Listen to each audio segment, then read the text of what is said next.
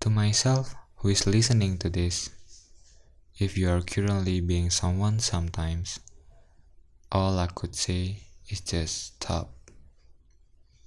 You really gotta stop. It doesn't worth your time, your energy. It just doesn't worth it. It's okay to be sad, to be disappointed, but you gotta remember that they don't even think about you when you think about them. Give yourself more time to be cared. Find yourself again. You need you.